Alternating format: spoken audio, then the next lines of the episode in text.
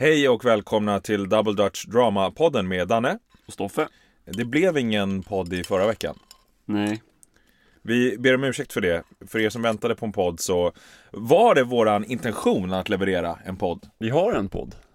Inspelad. eh, Men som blev oklippt. Ja, ja, halvklippt. Och eh, vi skyller det på det som alla andra skyllde allt på förra veckan. För de av er som har glömt det så var det amerikanskt val och snökaos eh, i Stockholm. Och det här påverkade även oss i vår poddklippning. Eh, på ett eller annat sätt så blev vi inte färdiga och då tänkte vi att snarare än att, att slänga ut något som är ännu sämre än vanligt så, så spelar vi in en, nej. Eh, fan vad då, jag kan inte be om ursäkt sådär. Sorry, jag, jag, jag tar det igen. Ingen av dem var ju dessutom sann. Nej, nej precis. Det, det var det här dumma spår. Jag ska inte hålla på och försöka vara lustig. Vi kan Straight göra något kul. talk. Fortsätt vara lustig. Men Ja, eh, nej men det, det, det är det där, vi har varit inne på förut där, när man ska försöka låta här, straight talk bara.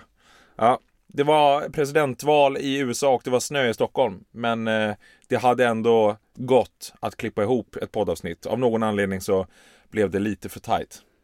Ja, vi, det var väl det stundade, stundande gigget som vi båda skulle vara med på som tog rätt mycket tid. Ja, ska vi börja prata om det ändå? Eh, ja men i alla fall, det, det, vi hade ju en podd. Det, det, fanns en hel del kul där och den är typ klippt men den kom inte fram.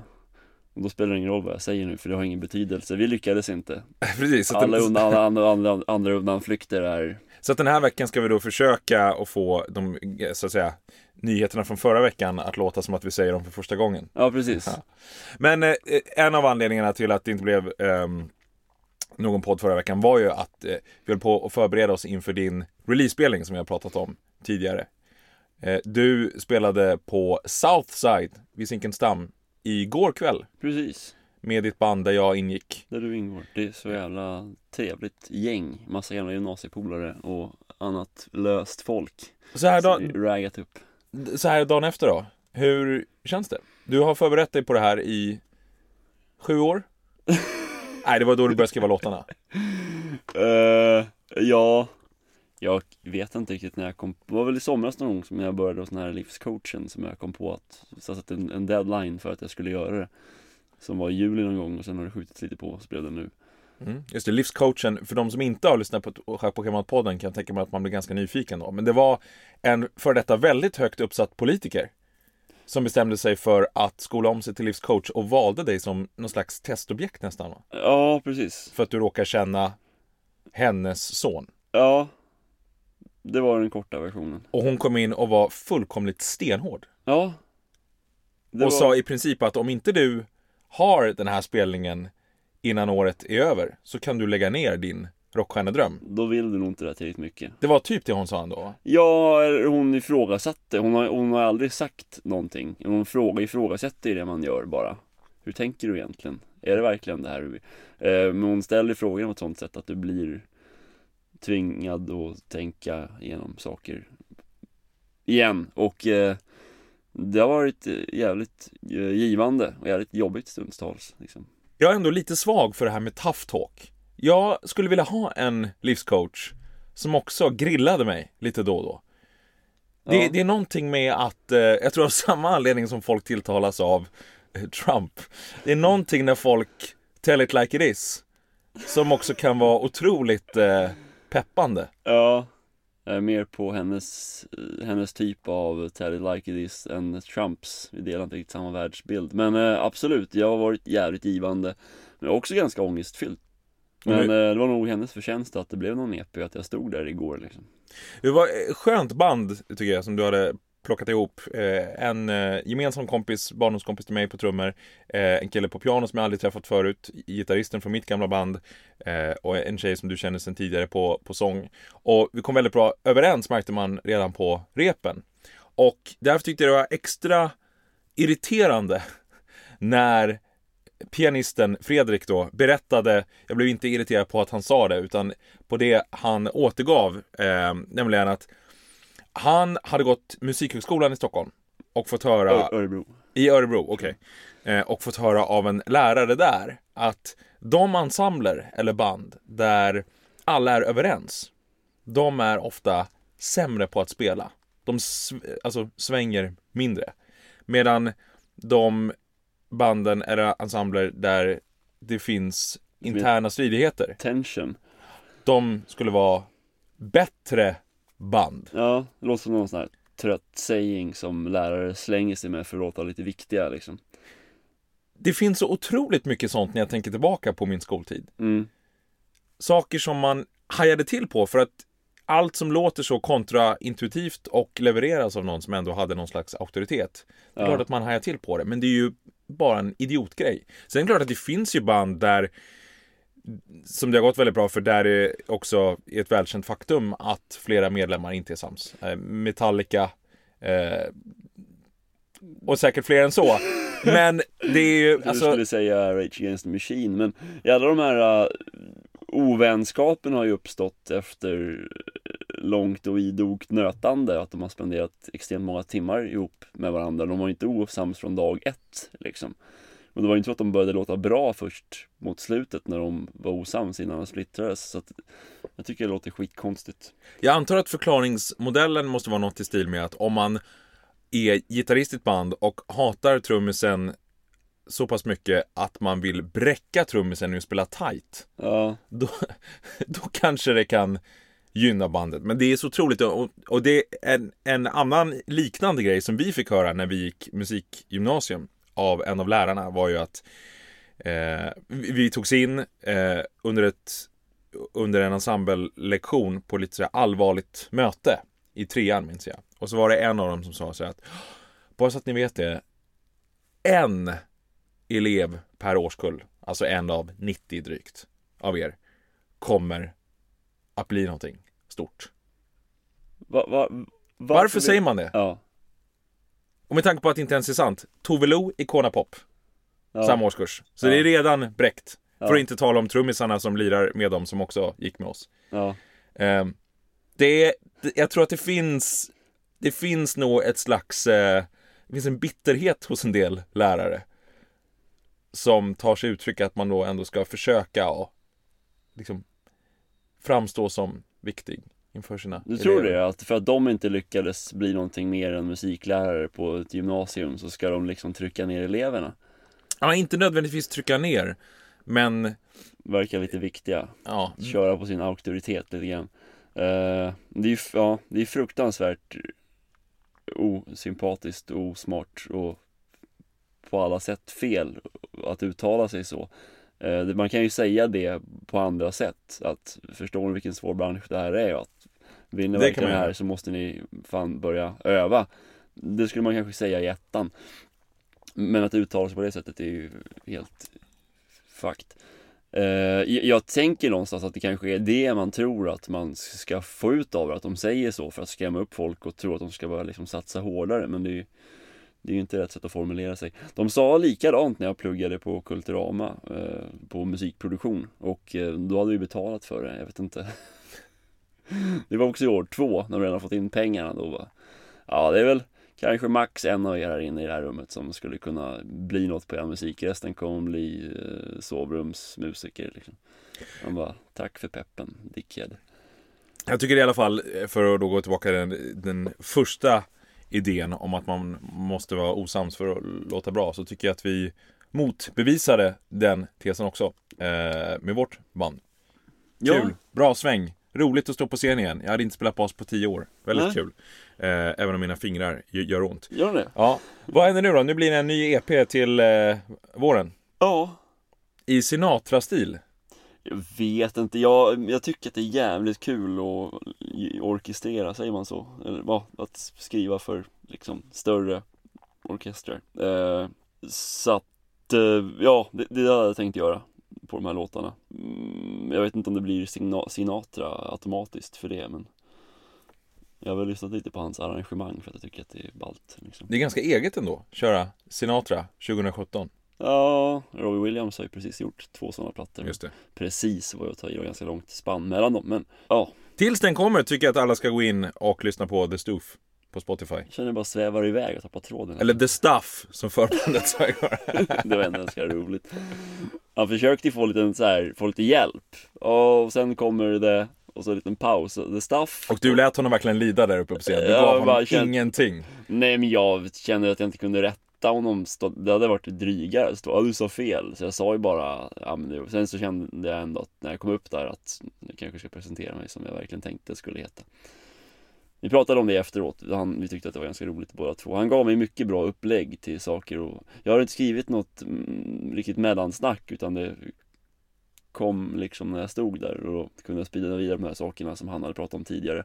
När man släpper CD-skivor till exempel, att han fortfarande gör det och att jag inte Mm. hade tänkt det och så vidare. Den fantastiska Thomas Brink. Ja, Också värd att kolla upp på Spotify. ja, jävligt bra. Fan vad vi pluggar grejer. Ska vi köra en jingel?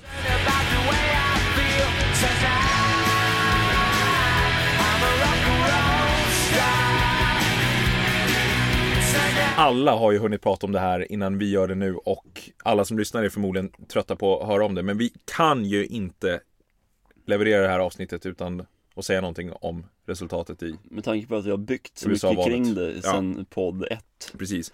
Aldrig någon humor. Vi har aldrig gjort några sketcher på det. Men vi har pratat om det otroligt mycket i Ja. podden. Ehm, satt du upp och kolla? Uh, nej, när fick du reda på? jag gjorde inte. Vi... Faktiskt var jag satt och pratade med en kompis på eh, Messenger om att sitta uppe och kolla och jag sa att äh, jag bangar, jag går och lägger mig. Men Clinton tar ju hem det här. Det är väl inte naivt att säga så, skrev jag till honom. Han bara, jo det är naivt. Så jag gick och la mig. Så vaknade jag vid tre, fyra tiden menar jag nog förmodligen. Och så eh, tänkte jag, jag ska inte kolla på telefonen, det är bättre än att få sova. Och så kunde jag inte hålla mig, så gjorde jag det. Och då lutade det åt att Trump skulle ta hem det. Så bara, jag tror inte läsa det flera gånger för att fatta vad fan det stod liksom, det är inte sant. Så vaknade jag igen typ vid sju och såg att det var klart. Och då var det de här orden, jo det är naivt som han skrev, som liksom ekade i huvudet. Ja, då, så det var väl vid sjutiden på morgonen jag vaknade, men visste att det hade mm.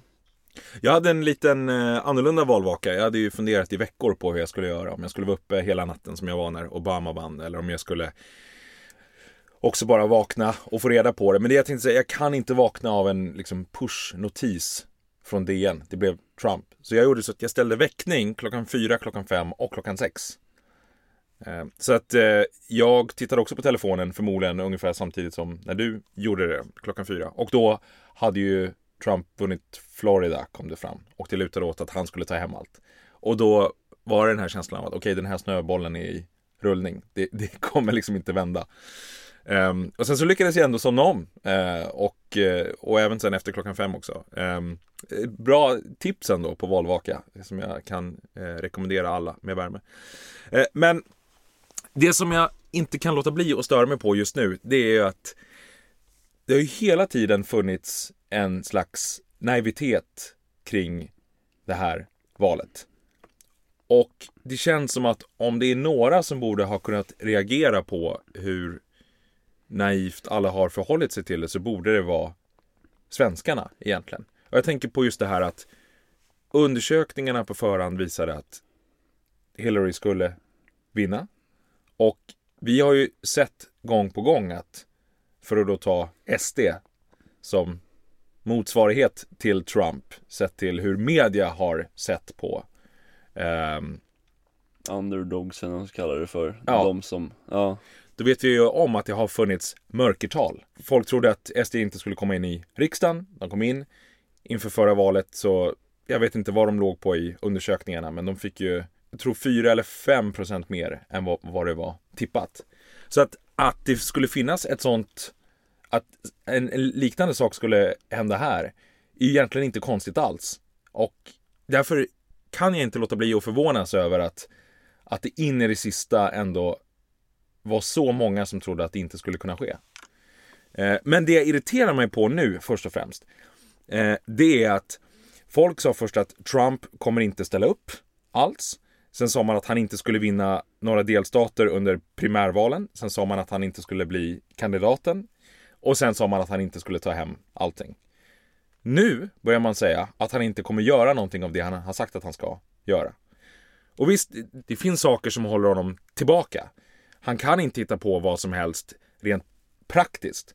Men att man fortsätter och hela tiden så här, ah men, ah, nu blir det nog inte, det här med, han har sagt att han, det, han ändrar sig nog. Det, jag tror att man inte kan få tydligare svart på vitt att Det är precis så illa som det ser ut. Dags att börja fejsa problemen istället för att Ja, försöka låtsas som att det inte är så farligt som det är. verkligen. Verkligen. Och, eh, men, men, det har ju pratats hejvilt om det, att de har haft så fel gång på gång nu.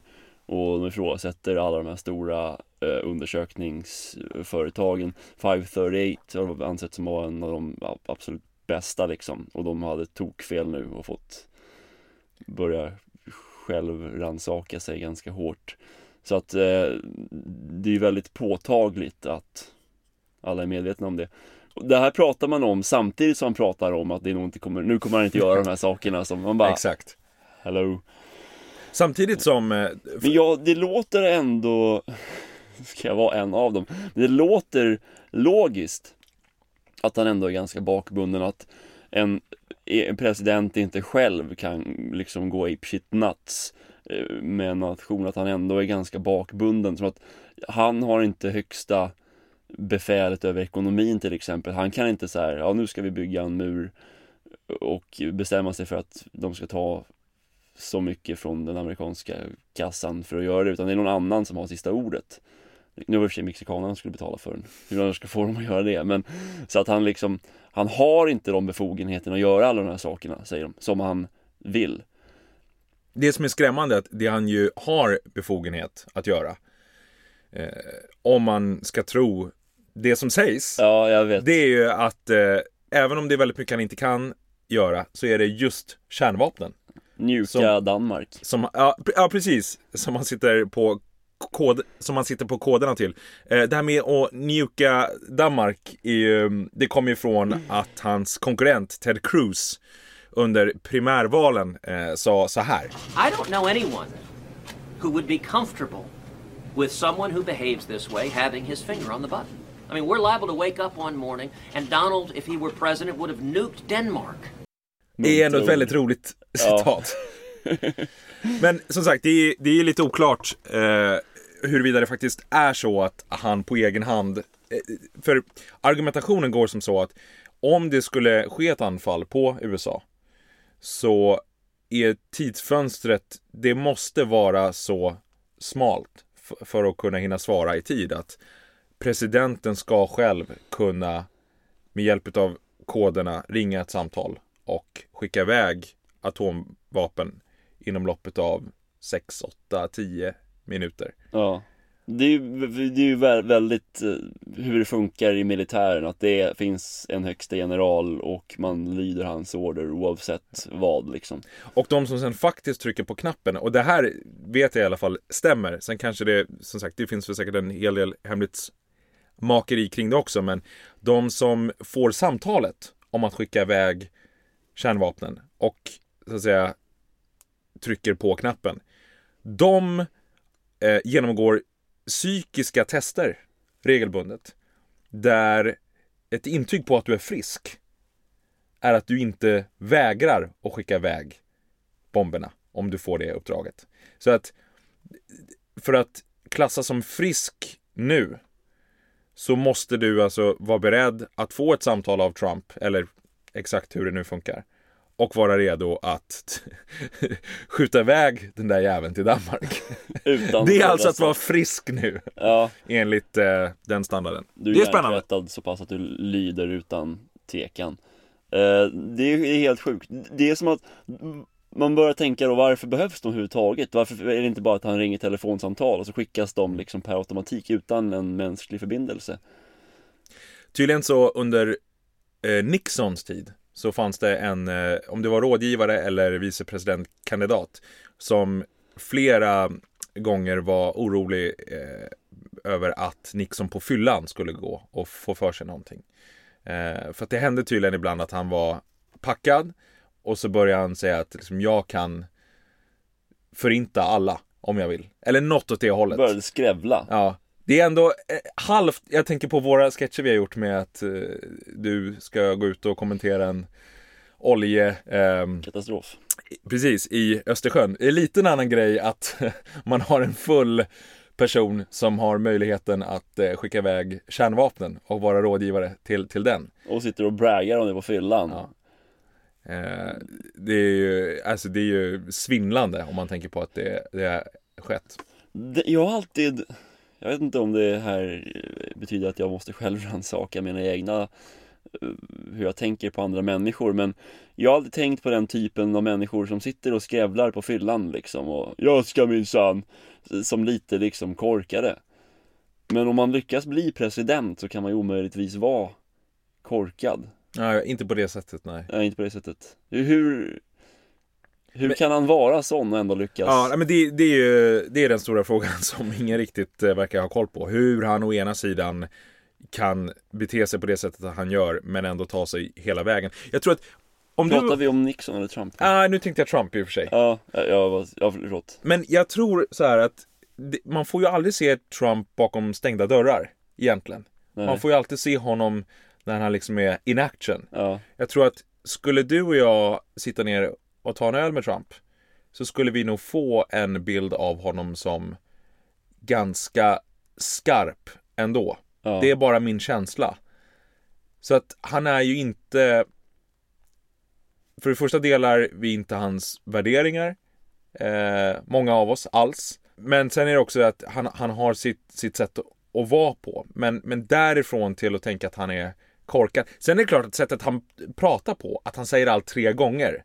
We're gonna build a wall, it's gonna be great, it's gonna be so high, we're gonna build it. Alltså, det säger också någonting om hur synapserna skjuter i hjärnan. Och att man kanske inte tänker på en sådär jätteabstrakt nivå. nej Men det är också det där att, att blanda ihop att vara liksom street smart med att vara intellektuell. Jag tror att han, han är inte korkad. Nej Tror jag inte. Men ehm, ja, eh, det, det ska bli spännande att se. Det andra spåret med det här valet som jag ändå eh, tycker att jag kan inte låta bli att ta upp det är att jag undrar om politisk humor är död. Och jag, jag är absolut inte först med att säga det, men det känns ju som att alla komiker i USA har ju hamrat på Trump i minst ett år. Och han vann. Det, är alltså, det, det de har gjort, det har inte... Det har i bästa fall inte gjort någonting för att, få honom, för att inte få honom vald. Och i sämsta fall så kanske det till och med har på ett sätt eh, bidragit till att få honom vald. Och jag tänker att, jag tror att från och med nu, vill man verkligen Komiker kommer alltid vilja ha jobb och då kommer det falla sig naturligt att driva med sådana som Trump. Men om man faktiskt vill påverka någonting så skriv en debattartikel. Driva om Trump, liksom att driva om SD till exempel, är inte det lite som att sparka in öppna dörrar? Jo, verkligen.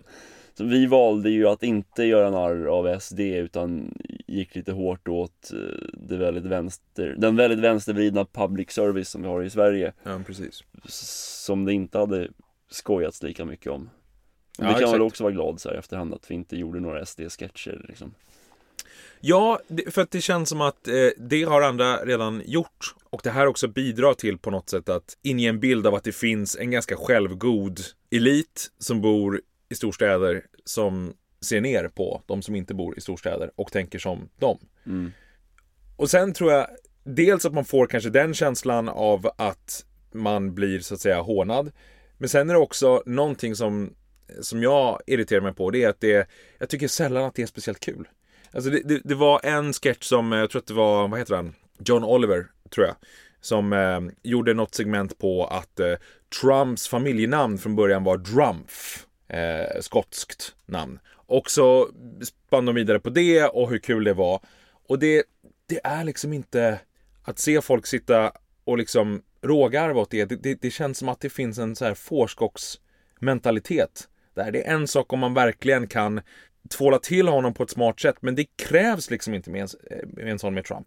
Han är så uppenbart annorlunda än vad vi är. Att det, jag, jag kan inte riktigt se hur man skämtar om honom på ett smart sätt. Det fanns eh, några killar som gjorde den här sketchen där de då spelar Trumps rådgivare och att det alltid är fejkat då. Så att de tänker liksom säga, ja men nu låter vi honom säga det här och det här och då kommer folk inte säga att han är knäpp och så fortsätter det bara. Det är ju ett smart sätt att göra det på. Men ja, det, det skulle vara undantaget då. Ja, Men i övrigt så väldigt mycket platt och väldigt mycket de här suckarna. Ja, det är precis som han säger. Eh, där, Gud, vad John. Oliver, gud vad dum han är. Ja. Och det där, jag vet inte, jag i alla fall, jag reagerar instinktivt på det. Jag, jag tål det inte. Därför att det blir på, på samma sätt som folk säger att de som stöder Trump bara tänker i grupp, så blir det där också att tänka i grupp. Det är Ja. inte att förhålla sig kritiskt och det är inte att ta itu med sakfrågor, det är bara pajkastning. Och eh, Du jag, bidrar inte riktigt med någonting till ba- debatten. Du sitter bara och visar att jag har mina värderingar är på rätt ställe. Nu Ja. sitter jag här och, och suckar åt det som är dåligt. Så nu ser alla att jag, att jag tycker illa om det här också. Som man ska göra. Och än en gång, jag ja. tycker att om det är några som borde veta det här så är det vi i Sverige. Det, det var liksom en offensiv efter 2010 på att man skulle håna SD, man skulle skratta åt dem, man skulle allt möjligt och, och det gick inte. Så ehm, ja, jag, jag tror att eh, komiker kommer nog fortsätta att göra det de gör, men eh, förvänta dig inga resultat om du står upp komiker, om du drar Trump-skämt. Om det inte är jävligt bra. Men det, det är ingenting jag ser mycket av. Amazing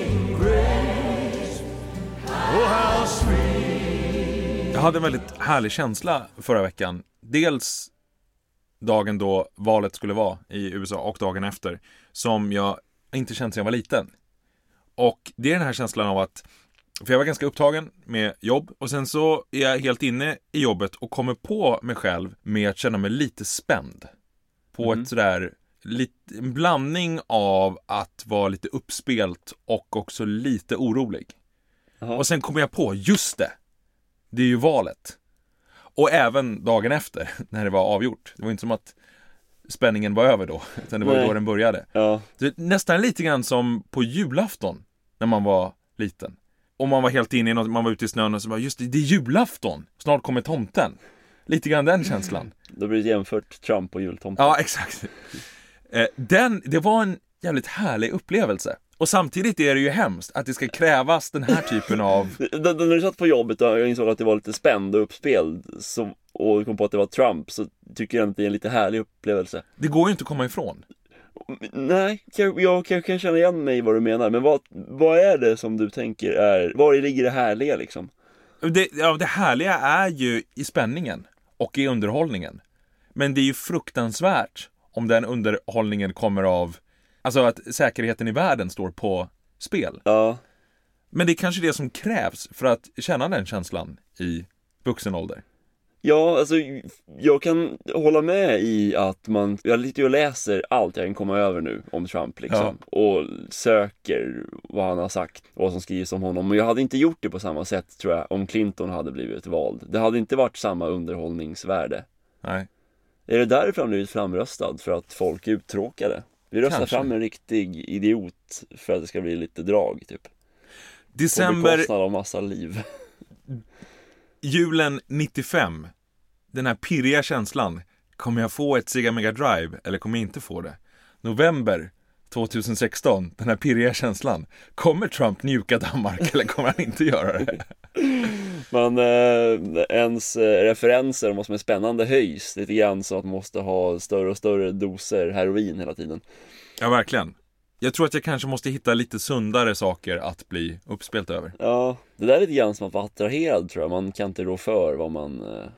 Man kan inte rå för att man tycker det är lite spännande Nej. att Danmark kan försvinna imorgon. Nej precis, det var någon artikel jag läste om någon som hade skrivit kärleksbrev till Breivik och så hade hon ställt upp på en intervju i typ Aftonbladet eller vad det var och där hon, de frågade henne hur kan du tycka att den här hemska människan är, är, är attraktiv liksom? Hon bara, jag kan inte jag kan inte förklara det. det är, och jag förstår ju att det är hemskt att han är en hemsk människa men det är någonting med handlingskraftigheten som tilltalar mig så fruktansvärt så att jag kan inte motstå att skicka kärleksbrev till honom. Jag hoppas ändå att du inte liknar mig vid psykot som skriver kärleksbrev till Breivik. Jag liknar väl oss allihopa och all världsmedia vid att vi inte kan styra över vad vi tycker är spännande.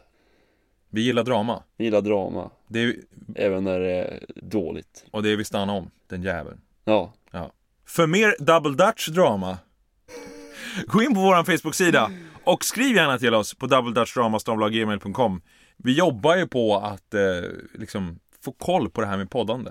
mm. Vi gör det ju som en del av vår sketchgrupp och just nu så gör vi främst eh, det här. Ja. Men så småningom så är det dags för nya sketcher också.